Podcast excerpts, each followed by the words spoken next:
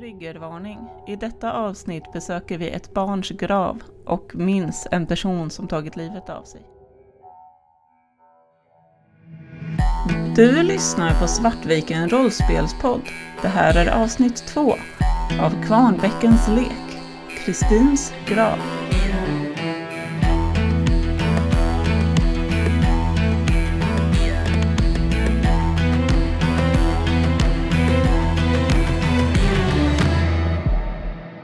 Ni står där, Vidar och Hilda. Era kroppar har talat utan att ni har eh, förstått att ni har gjort någonting. Det är som att det kommer av en ren reflex. Ordet ja. Och Johan stannar. Jag sjöng ju av eh, ren reflex. Och när ni bara säger ja så är det precis som att jag rycks ut ur det. Och vänder mig om och tittar sjukt förvirrad. Precis som har jag missat något. Eh, jag, jag vet inte. Jag tittar på Hilda. Inte jag heller.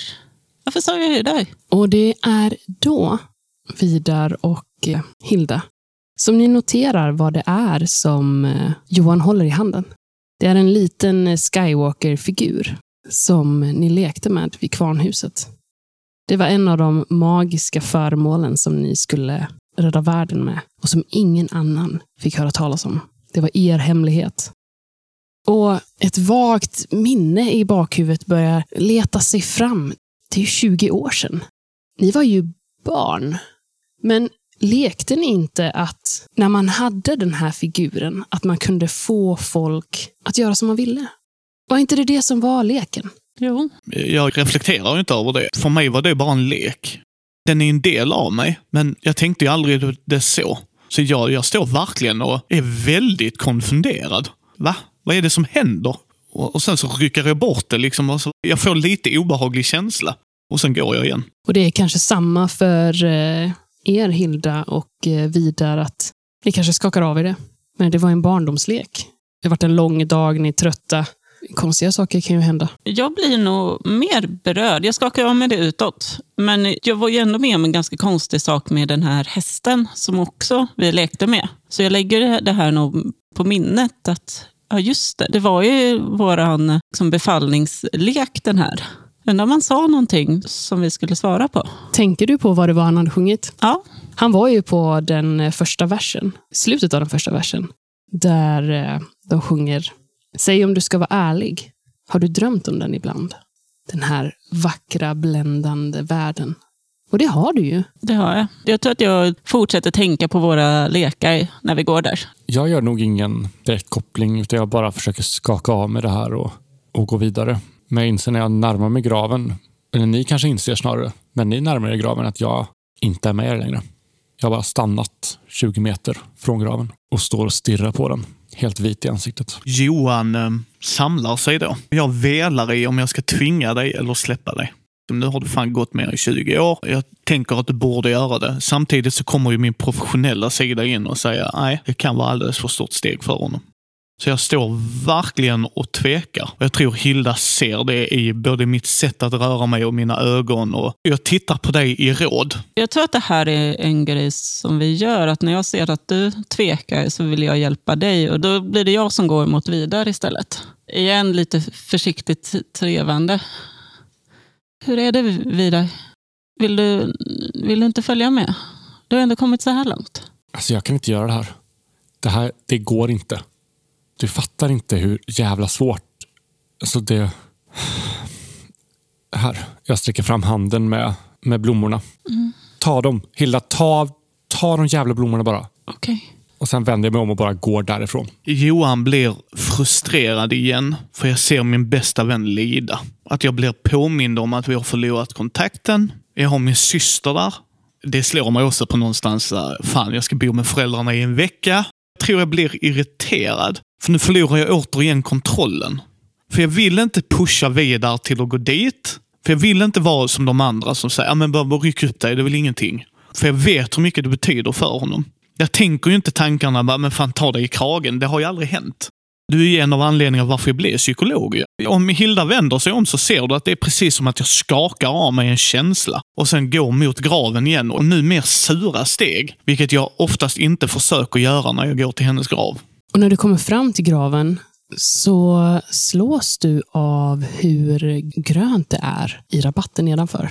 Det är mitt i sommaren och det har varit en ganska torr sommar. och Många av eh, de små konstellationerna nedanför gravarna har liksom gulnat eller börjat vissna lite och det verkar ha varit svårt att hålla dem grönskande när det varit så varmt och hett. Men eh, Kristins grav, den är jättefin och jättegrön. Du kan se att det verkar till och med lite fuktigt. Det verkar vara gott om vatten här. Det är få gånger Hilda ser Johan förvirrad. Att det till och med nästan eh, är skrämmande. Det är nog ett uttryck du nog inte har sett.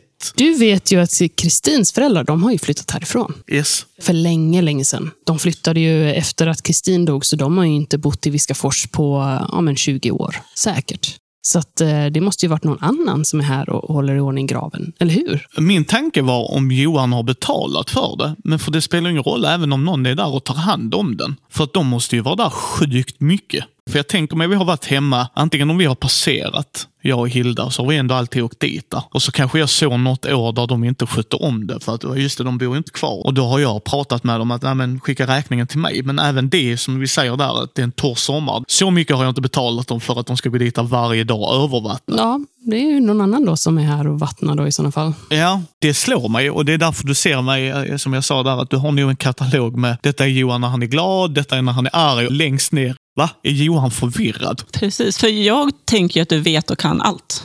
Så jag blir väldigt rädd när du inte vet vad man ska göra. Och jag menar, när Johan är arg eller så där, blir jag mer, jag vill lugna dig och jag vill att du ska må bra så att du inte ska lämna mig, för du går iväg när du är arg. Men när du är förvirrad har jag ingen aning om vad jag ska göra. Så att jag blir bara stillastående med två buketter i handen och tittar på dig. Jag böjer mig ner och sätter mig på huk och sätter en hand på Precis som att ser jag är synlig, är det här vått? När du sätter ner handen där så är det fuktigt. Du blir blöt om handen. Är hon i en skugga eller är solen där? Solen är där. Ja, för det är inte under träd, Nej. utan det är direkt sol, så att då blir det ännu mer för... Så det måste ju varit någon som vattnat här alldeles nyss för att det inte ska torka upp då? Ja. Jag memorerar det, för jag tycker det är så märkligt. Och jag gör en mental notis i att jag vill prata med någon om det här. Jag ber Hilda komma fram. Syrran, kom här. Ja, vad är det? Tycker du något ser skumt ut här? Det är väldigt grönt i torkan. Jag visste inte om att du betalar så mycket för att ta hand om grav. Det har jag inte gjort och du ser, jag har ju en väldigt fin broderad eh, näsduk i kavajfickan som jag torkar och du ser att den är blöt. Någon måste ju ha varit nyligen. Jag tittar mig omkring. Är det någon som gått härifrån? Nej, det enda du kan se är eh, åkermark som sträcker sig så långt ögat kan nå egentligen. Och Den här lilla kyrkan och kyrkogården och så, det ligger ju uppe på en kulle. Så ni har ganska så god utsikt över eh, ja, åkrarna och skogarna runt omkring. Det är bara en, en fin sommarvy, men ingen människa i närheten. Ja, påminn mig syrran, ja, vi, vi får ju kolla in i detta för det känns lite jävla märkligt att bara hon ska ha bättre än alla andra. Det är mycket märkligt det som hänt idag. Det påminner mig om, om när vi lekte vid bäcken. Det var ju alltid så här grönskande och fint vid, vid forsen. Mm. Det var det faktiskt, Johan. Nu när du tänker på det så var det alltid fint och grönt vid Kvarnforsen. Jag lägger de här fetmejerna vid graven. Jag tänker att det hade varit fint att liksom plantera några fetmejor här. Om det växer lika bra här som det gjorde där borta så kommer de ta sig ganska fint. Johan känner en stor sorg det kommer ju vågor hela den här dagen. Det är ju en av hans värsta dagar i livet på länge. Det är den och när Jens och han gjorde slut. Jag låter dig pilla. Jag, jag lägger mig inte i det. Jag hade aldrig haft gröna fingrar ändå, så att jag skulle bara förstöra mer än vad jag hade gjort nytta. Men eh, jag sätter Skywalkern på foten på eh, gravstenen, så att han nästan sitter. Och när eh, du sätter ifrån den här lilla figuren så är det som att eh, jag börjar liksom höra liksom ett susande i öronen. Eh, väldigt, väldigt, väldigt svagt. Nästan det som när, när man får tillfällig tinnitus, du vet. Mm. Du lägger nog inte så mycket betydelse i det just då, men, eh, men det kommer ett brus. Minns du vad vi brukade leka med den där figuren? Ja, att man kunde ta över människor var det va? Eller få dem att säga vad de ville, eller jag kommer inte exakt ihåg. Vi kunde styra varandra och få folk att göra vad man ville och svara exakt på det man ville. Jag tror att det var det som hände förut när, när vi sa ja. Inte sådär eh, magiskt eller så, utan bara som ett minne i, i att ja, men det var ju faktiskt så vi lekte. Hilda började liksom prata om våra lekar mer. Mm. Och Johan, du vet ju att det, det, finns ju vissa psykologiska teorier om att när man är i en viss kontext, att man kan trigga undermedvetna beteenden som man har haft som barn och att det kan bara komma fram som en reflex. Om man har lekt det tillräckligt många gånger så kan man öppna upp det igen med en form av trigger. Ungefär som att man hittar en leksak från den tiden, till exempel. Mm, jag, jag avfärdar inte det. Och jag har alltid vetat att syrran är mer spiritualistisk än vad jag är och jag älskar min syster otroligt mycket. Så att Hilda är den enda jag är mer vördnadsfull mot. Kommer någon annan så skjuter jag ner dem direkt för när det inte stämmer eller något så här. Men Hilda gör jag det aldrig mot. För Hilda vet också vad jag... Vad du står. Ja, att det är en mutual respekt på det. Så ja, absolut, alltså det är ju undermedveten grej att göra. Eh, jag sjöng ju nog något jag bara gjorde ju. Så att, att ni bara svarar. Det kan mycket möjligt vara att det var till den sången. Och när du tänker efter, när du sa till Hilda att komma, så kom hon ju också. Den tanken slår mig, men sen har hon alltid lyssnat på mig. Så jag slår nog undan den rätt snabbt. Den är där, men det är få gånger Hilda aldrig har kommit till mig när jag bett det. För det är aldrig kommenderande, det är alltid öppet. Mm. Du kanske nekar våra föräldrar, då tar det lite längre tid. Men när jag ber dig så kommer du. Och likväl när du ber mig så dyker jag upp ju. Jag vet allt om dig och du vet allt om mig. Mm. Och typ våra föräldrar kanske vet 5%. Mm. När du har ringt mig om pengar så har jag kommit. Jag har liksom handlat mat till dig eller betalt en räkning. Du har kanske bott hos mig ett tag. Eh, och då har vi aldrig sagt det till våra föräldrar, utan det är bara så. Mm. När ni står där så känner ni att eh, det börjar huttra lite. Det börjar bli lite kallt. Och tänker, vad, vad vad är klockan nu egentligen? Och tiden har ju bara flugit förbi. Nu kan ni se bort mot den här eh, asfaltsplanen att de flesta bilarna har ju lämnat nu och de flesta har åkt hem från den här minnestjänsten i församlingshemmet. Och ni kommer att tänka på eh, Ringo, den lilla mopsen som är eh, bak i Vidars bil. Och just ja, men Vidar ska ju bo hos er. Han kan ju inte åka hem till era föräldrar själv. Och ni inser att ni kommer behöva börja bege er hemåt snart. Jag lägger den och sen så säger jag... Jag tror jag sjunger klart sången. Fast gör det mer medvetet nu. Jag tror vi kanske till och med stämmer i kör. Vi... Jag tänker att vi sjunger den sången tillsammans. Yes. Vi sjunger den som vi brukar. Att jag är Aladdin och du är Jasmine. Det tror jag vi har fortsatt i vuxen ålder. Om du är hemma hos mig och vi tvättar eller vi diskar. Vi är väldigt mycket i synk och vi har aldrig förlorat det. Och till slut när vi är klara så vänder vi oss bort och inser att, ja just det, vi där. Precis. Och sen går vi bort mot eh, bilen. Mm. Jag vill hitta Berg först. Jag vill säga mitt sista hej då till honom. Han eh, står vid sin bil och har inte riktigt kommit sig för att eh, åka än. Du, du, kanske till och med ser honom komma ut från eh, kapellet. Att han har gått in en, en sista sväng och sagt eh, farväl till sin son. Och nu kommer han ut och ska sätta sig i sin gamla Volvo och köra iväg. Jag går fram och kramar Berg. Det här är nog där jag verkligen gråter med någon annan. Jag tänker mig att Jens och Berg är väldigt lika varandra. Både i sättet och utseendemässigt. Om det hade varit en dålig dag så hade jag kunnat... Är det Jens? Ja, Jens är, är verkligen sin farson. Yes. Han eh, kramar dig tillbaks och när eh, han lite ska lösgöra sig från den här omfamningen, eller ni glider ifrån varandra lite, så greppar han tag i dina överarmar och han tittar på dig med ett behov. Han tittar på dig väldigt intensivt och nästan, nästan bedjande. Och Johan, Johan, du måste lova mig nu att, att du kan släppa det här. Jag, jag förstår att ni barn har varit med om alldeles för mycket. Alldeles för mycket sorg och förlust. Men snälla, snälla, för min skull. Du måste låta det här gå. Jag önskar att min pojke hade kunnat göra det. Och jag, jag önskar att jag hade kunnat nå fram till Jens. Men snälla, Li inte som honom. Jag vill inte se i dig det jag såg hos honom de här senaste månaderna. Snälla lova mig att du hittar en väg framåt. Jag blir väldigt frustrerad att Jens har gått djupare in i det. Och nu börjar jag ha ett självhat. Att jag skulle ha hållit kontakten mer. Jag skulle sökt upp Jens mer. Han klappar dig eh, på kinderna, lägger liksom en hand på vardera kind och ens älskar dig så mycket, Johan. Jag hoppas du förstår det. Du var ett ljus i hans liv och för det är jag och Ann-Charlotte evigt tacksamma. Och jag hoppas verkligen att du kan gå vidare från det här och hitta lycka någonstans. Och sen så ger han dig ett eh, försök till ett uppmuntrande leende och klappar lite på dig igen.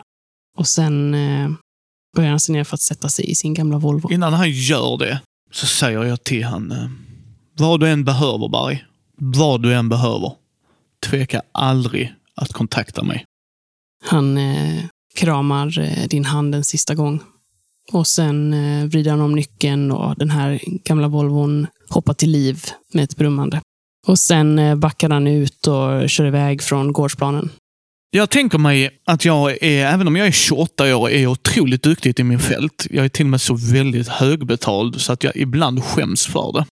Så jag tänker mig faktiskt att Johan har en väldigt fin bil. Att det sticker så himla mycket utifrån industrin vi är i. Jag bor i en fin lägenhet i centrala Stockholm. Alltså jag är verkligen, jag är överklass.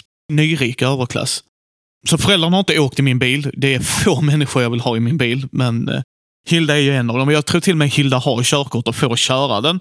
Jag klär ju mig för vad jag har i jobb och pengar och Hilda kanske inte alltid gör det, så det sticker otroligt mycket ut när hon kör i. Och jag tänker mig, jag har en Jaguar. Jag är arg. Det kokar i Johan. Något kopiöst.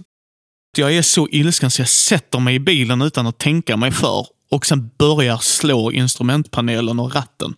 Och skriker i ren frustration, ångest, ilska, kärlek, sorg. Alltså alla.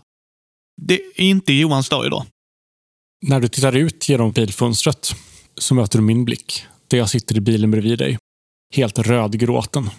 Och du misstänker att jag förmodligen har gjort nästan exakt samma sak som dig, medan ni var borta. Jag eh, tittar nog på dig. Jag nickar en gång och sen startar bilen och backar ut och kör mot ert föräldrahem. Och ni kommer fram till föräldrahemmet där eh, Heidi och Robert Nilsson bor. Där ni har eh, växt upp och eh, tillbringat majoriteten, ja, hela er barndom. Jag tänker att de har bott i samma hus också. Så att, Absolut. De har kanske gjort vissa, liksom, de har byggt till en inglasad veranda eller renoverat ett badrum. Men det är i princip samma hus som ni bodde i under er barndom. Och samma gamla tapeter, samma gamla träfasader nere i källaren och ja, inte mycket har förändrats. Och där hemma så går Heidi och Robert fortfarande lite på, på äggskal. Robert har hanterat detta genom att eh, mest dra sig undan. Säger inte så jättemycket, utan eh, muttrar lite då och då och eh, kanske för ovanlighetens skull hjälper Heidi att duka. Medans eh, Heidi har ju glidit in i samma vanor som hon hade när ni var små. Det vill säga att eh, hon eh, vill fixa allt och hon vill ta hand om er och hon vill pyssla om er. Och så eh, när ni kom innanför dörren, de har åkt hem tidigare än er för ni dröjde kvar, så har Heidi fixat middag.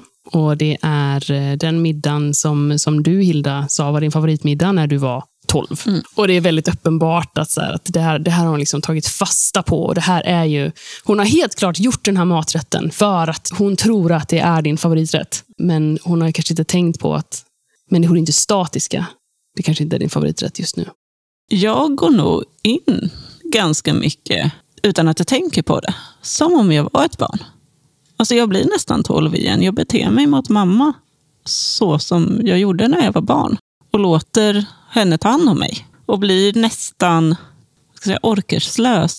Tappar allt initiativ som jag egentligen... Jag har ganska mycket viljestyrka, men när jag är hemma så är det som att jag går tillbaka till den jag var och låter mig bli överbeskyddad. För att jag tror ju inte att, att jag kan vara något annat och klara mig. Oh, min, min lilla tjej. Vilken dag, vilken dag. Det är sån tragedi och stackars Berg. Och med Ann, Charlotte och nu är han ju... Det, finns ingen, det finns ingen rättvisa i världen. Säger Heidi och lägger handen för bröstet. Världen är hemsk. Jag är så glad att, att, jag, att jag har er. Och, eh, tack, tack för lasagnen mamma. Jag, jag älskar det. Vet att Jag jag... är så glad att du är här. Åh, lilla Hilda, hon tar din hand eh, och kramar den. Och, du vet, hon har ju så här tusen eh, guldringar och jättetjocka du vet, guld... Alltså, en väldigt specifik typ av kvinnlighet. Liksom. Jag faller in i de gamla vanorna och jag låter henne ta hand om mig. Men inombords så mår jag lite illa av det sättet de behandlar mig. För att det är inte jag längre. och Det irriterar Johan. Ja. För jag vet hur mycket min syster klarar av. Och vi har pratat om timmar om detta. Så att jag blir bara otrevlig mot de två. Nästan så att det är ännu mer awkward stämning för Vidar. Alltså det är tydligt att jag inte gillar det. Så när hon gör det så är det... Utan att säga det så säger jag det. Mm. Jag, jag tror faktiskt att jag börjar liksom, ja men jag borde, jag borde kanske inte lämnat er. Jag, det, det är jobbigt att, att, att bo helt själv och jag, det går inte så bra. Och, och jag menar, jag förlorade ju Ja, jobbet. du tror jag det. Och här och betala dyr hyra. Och, och här, du hade ju kunnat ta ett rum här, Hilda. nej. Hade du inte behövt betala någonting? Jag pappa behöver ingenting. Eller hur, Robert? Älskling, vi behöver ingenting. Du har ju ditt gamla rum. Det står kvar exakt så som du lämnat det. Och det tyckte du så mycket om. Ni ser Johan slå nävarna i bordet och puttar ifrån sig tallriken och eh, bara går ut. Du, unge man! Så, eh, så gör du inte mot din mor! Hörde Robert ropa efter dig. Jag tror det är första gången jag räcker finger till min egen far. Det är verkligen bara den och sen går jag. Vidar sitter under tystnad och studerar bordet. Ni ser hur eh, Heidis läpp börjar darra och... Jag vet inte vad jag... Och jag gick fel och jag har ju bara försökt göra det bästa för er barn. Och, och nu sen efter och Kristin och, och nu igen så... Och, och man förstod att någonting var fel där. Han, förstod att något var fel. nej men, man förstod att han inte mådde bra. Sättet som han, du vet... Man kan du se det hur Robert? Hon så här, duttar lite på Roberts arm och Robert, mm, mm. Ja, han, han var ju så... Det var något i blicken och liksom... Och jag tänker att om man bara hade och, och pratat med Ber, och stackars Berg och Ann-Charlotte. Jag förstår inte hur så mycket hemskheter kan hända samma människor och får det aldrig ett slut? Heidi fortsätter liksom bara att prata om hur orättvist det är. Och... Hilda säger inte så mycket, men hon tar till sig att, att Jens ändå verkar ha mått sämre på sistone. Jag tittar upp från tallriken efter att ha petat runt den här lasagnebiten lite med, med gaffeln utan att riktigt äta någonting. Men- Menar ni att mådde Jens inte... Vad var det? Mådde Jens inte bra? Eller klart han inte mådde bra, men var det någonting annorlunda med honom? Vad var det som var... Nej, men han, han kom ju hit och han hade alla de här frågorna om, du vet när ni var små.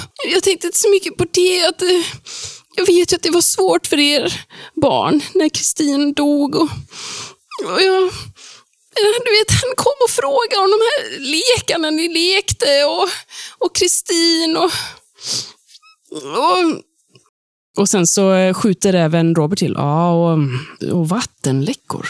Han pratar om vattenläckor. Ja.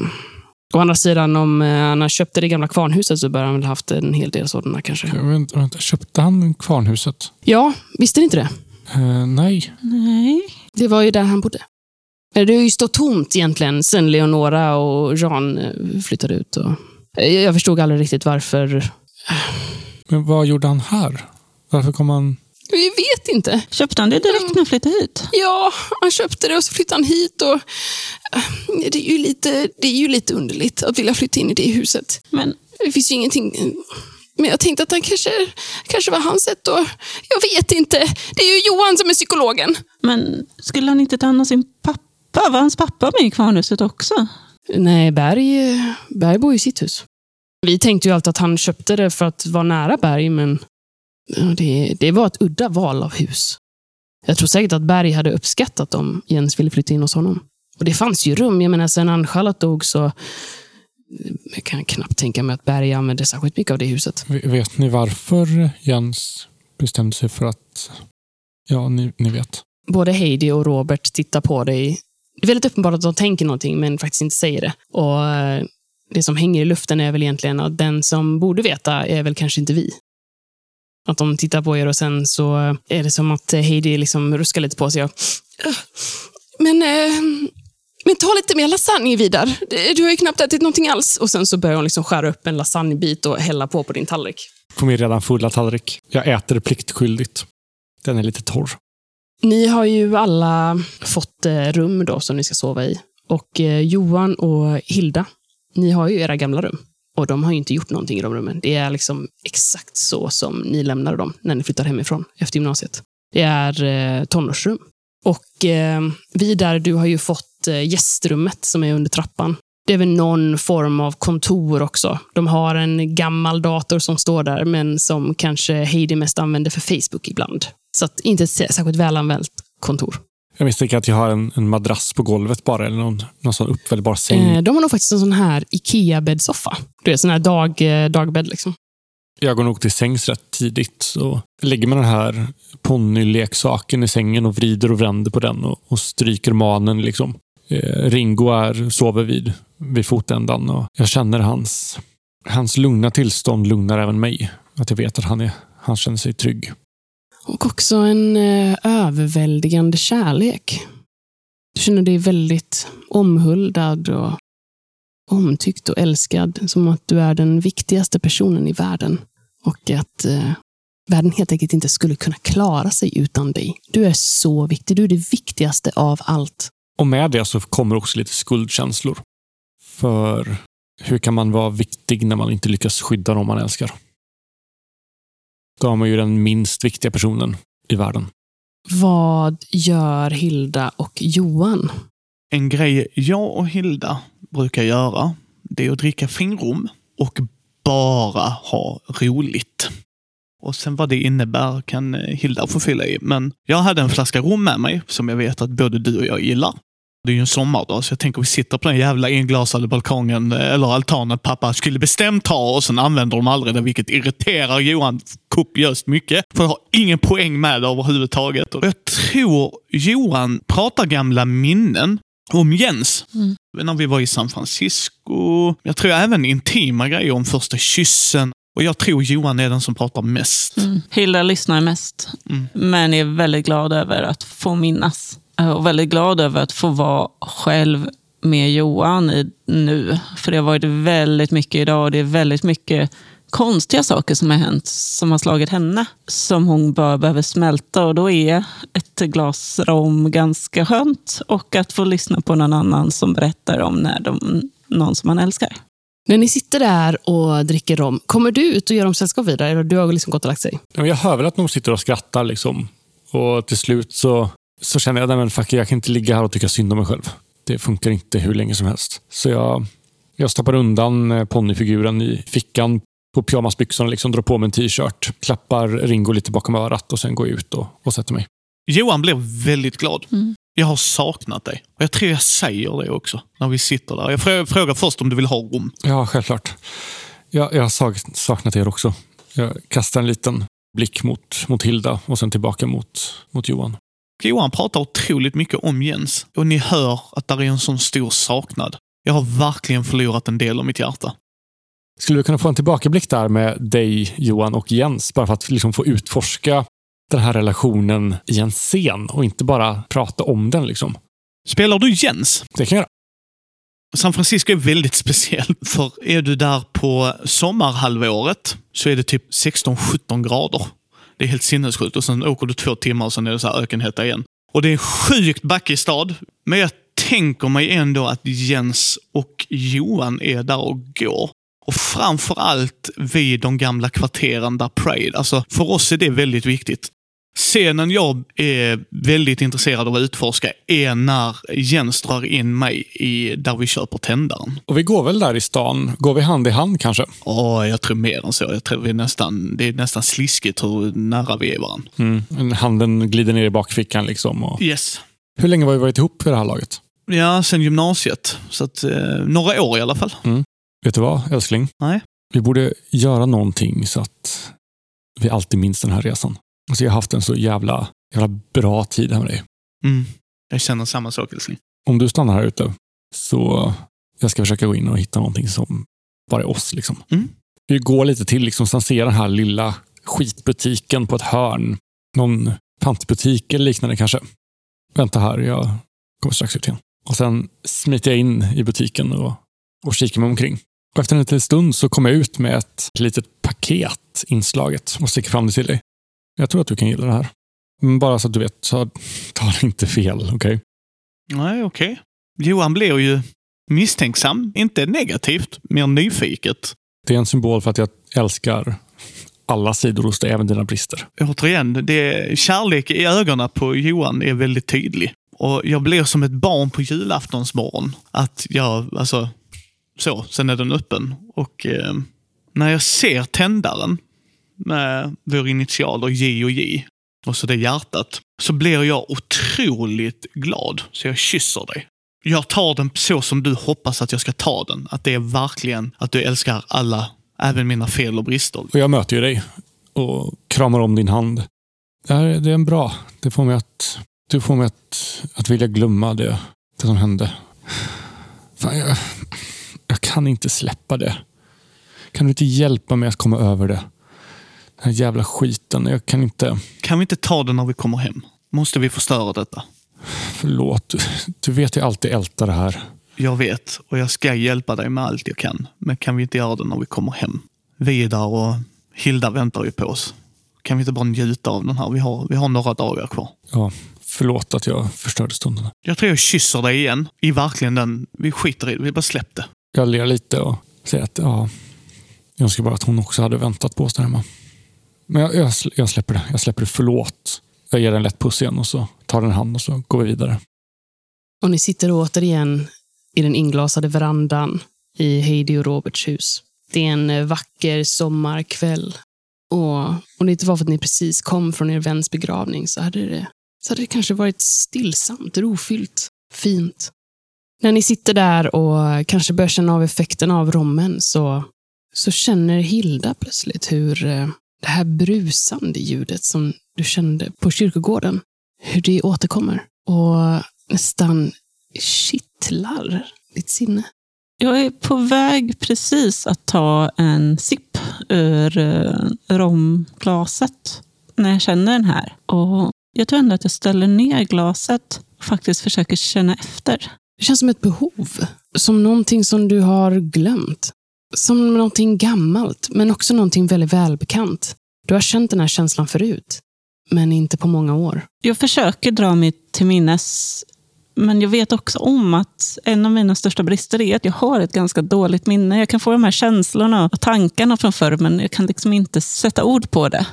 Men jag frågar nog de andra lite, när vi ändå håller på och, och pratar historia, så kommer jag in lite på de, de gamla lekarna vi lekte redan som barn. Kanske att det är någon historia om vad Jens gjorde när vi lekte Kvarnens brödraskap. Vad var det för lekar vi lekte egentligen då? Vet ni vad ni, vi borde göra? Jag tittar på er med lite så här lekfullhet i blicken, för en gångs skull. Vi borde i en, en hyllning till Kristin och, och Jens gå upp till, till gamla huset och, och leka några av de där gamla lekarna. Ja, men eh, det är ju väl övergivet. Jag menar, fan ska vi ta oss in där, hade du tänkt det? Ja, vi hade ju massa lekar ute också. Så bara vara där, bara återuppleva Ja, ja, de är bra det- dagarna. Ja, absolut. Bara inte vi skrämmer livet på någon som har tagit över det. ju, Så. Det borde väl inte vara någon som har tagit över det än, va? Vadå en? Det har ju stått tomt länge. Ja. Hade inte Jens tagit över huset? Vänta, vänta, vänta. Stopp, vad?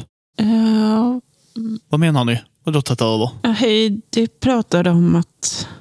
Ja, Men Jens, när han kom tillbaka till stan så... Han flyttade inte in hos sin farsa, utan han flyttade in i...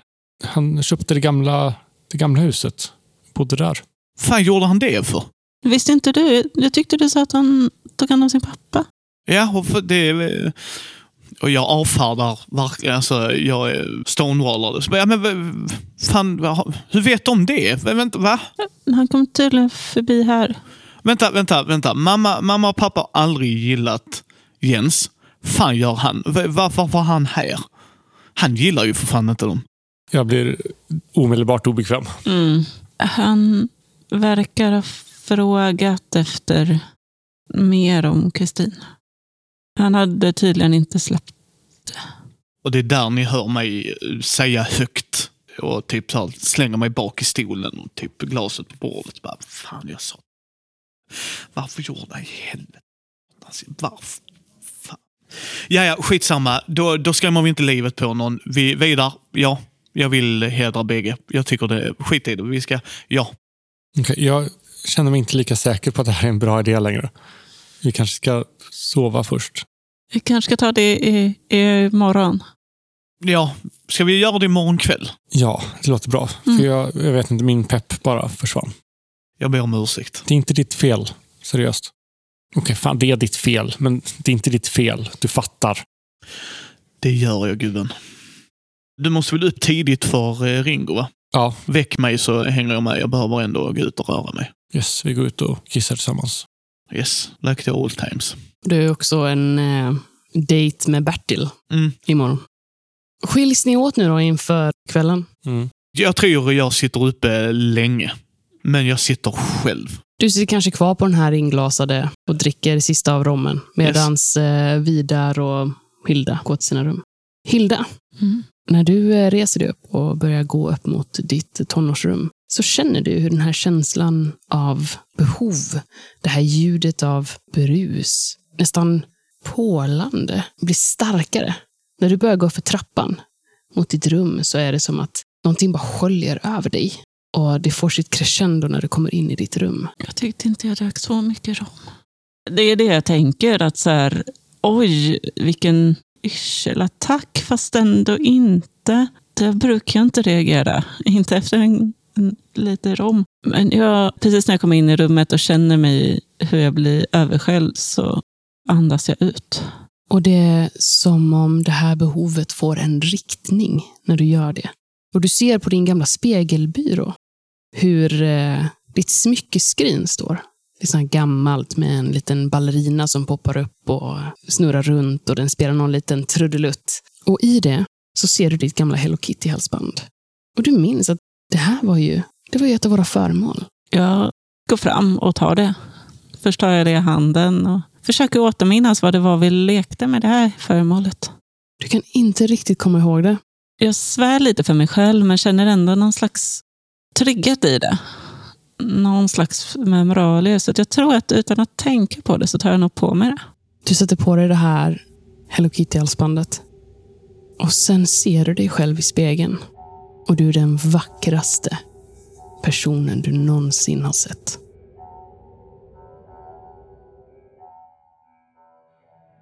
Du har lyssnat på Svartviken rollspelspodd. Spelet Skrämt ges ut av Bläckfisk förlag och musiken är gjord av Alexander Bergil.